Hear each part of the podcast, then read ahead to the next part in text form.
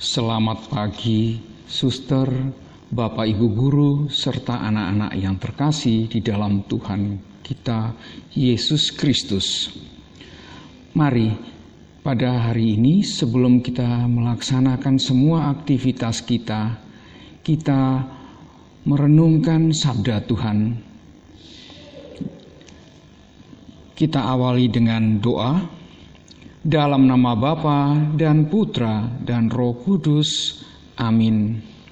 Allah Bapa yang Maha Kasih dan Maha Kuasa, kami bersyukur kepadamu atas perlindungan, penyertaan, bimbinganmu selama semalam tadi, sehingga kami bisa tidur dengan nyenyak dan pagi hari ini kami kembali kau segarkan. Bapa yang Maha Kasih, biarlah berkat-berkatmu pada pagi hari ini hingga siang dan malam hari nanti selalu menyertai kami dalam setiap langkah dan perbuatan serta tingkah laku, pikiran, dan perasaan kami. Marilah kita mendengarkan sabda Tuhan. Inilah Injil Tuhan kita Yesus Kristus menurut Santo Lukas, dimuliakanlah Tuhan. Berbahagialah hamba yang didapati tuannya sedang berjaga. Yesus berkata kepada murid-muridnya, "Hendaklah pinggangmu tetap berikat dan pelitamu tetap menyala." Dan hendaklah kamu sama seperti orang-orang yang menanti-nantikan tuannya yang pulang dari perkawinan, supaya jika ia datang dan mengetuk pintu, segera dibuka pintu baginya. Berbahagialah hamba-hamba yang didapati tuannya berjaga-jaga ketika ia datang.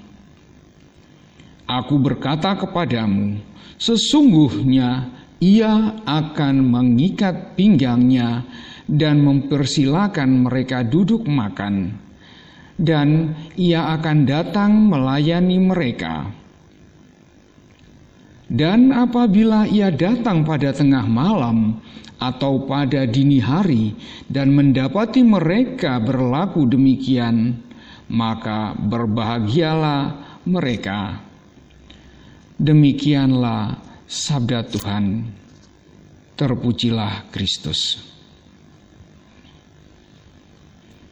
Suster, Bapak, Ibu, serta anak-anak yang terkasih di dalam Tuhan kita, Yesus Kristus.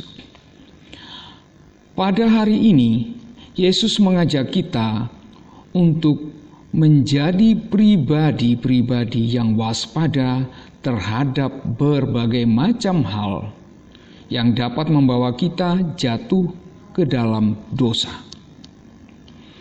Secara khusus, Yesus menyebut waspada terhadap orang-orang munafik.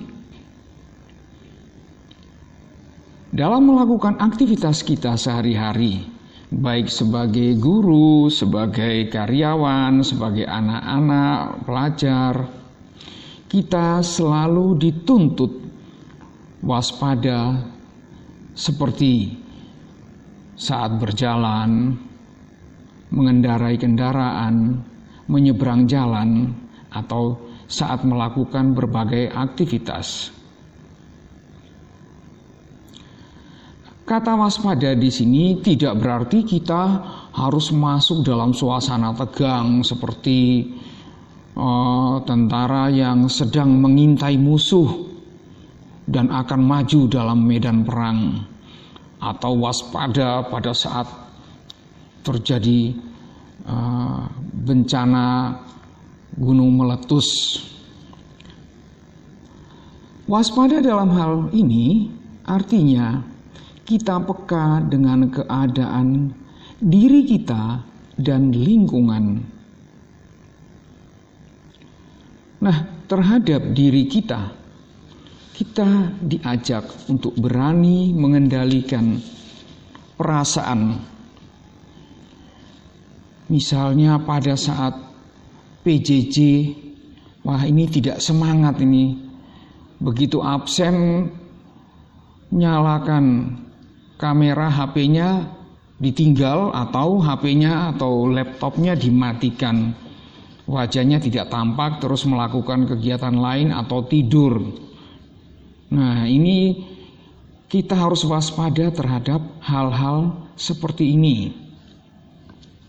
Kemudian waspada juga terhadap pikiran supaya tidak merancang hal-hal yang tidak berkenan kepada Tuhan.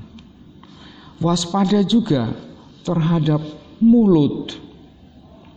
Karena kita memuliakan Tuhan atau mencemoohkan sesama, kita menggunakan mulut. Eh, Rasul Yakobus mengatakan, dengan lidah kita memuji Tuhan Bapa kita dan dengan lidah kita mengutuk manusia yang diciptakan menurut rupa Allah. Oleh karena itu kita perlu waspada terhadap lidah dan mulut kita. Terhadap tangan untuk melakukan hal-hal yang baik, terhadap kaki dan seluruh yang ada pada diri kita agar tidak menjadi sumber dosa. Kita juga perlu bijaksana dalam menerima dan menolak pengaruh dari lingkungan sekitar kita. Berani mengatakan tidak terhadap diri sendiri dan orang lain yang akan menjerumuskan kita ke dalam dosa. Itulah pengertian waspada. Marilah kita berdoa. Allah yang Maha Setia, semoga dengan kasih dan perhatianmu yang terus melimpah, kami semakin mampu menjaga diri kami dan tidak terus-menerus terjerumus ke dalam dosa. Amin. Dalam nama Bapa dan Putra dan Roh Kudus. Amin.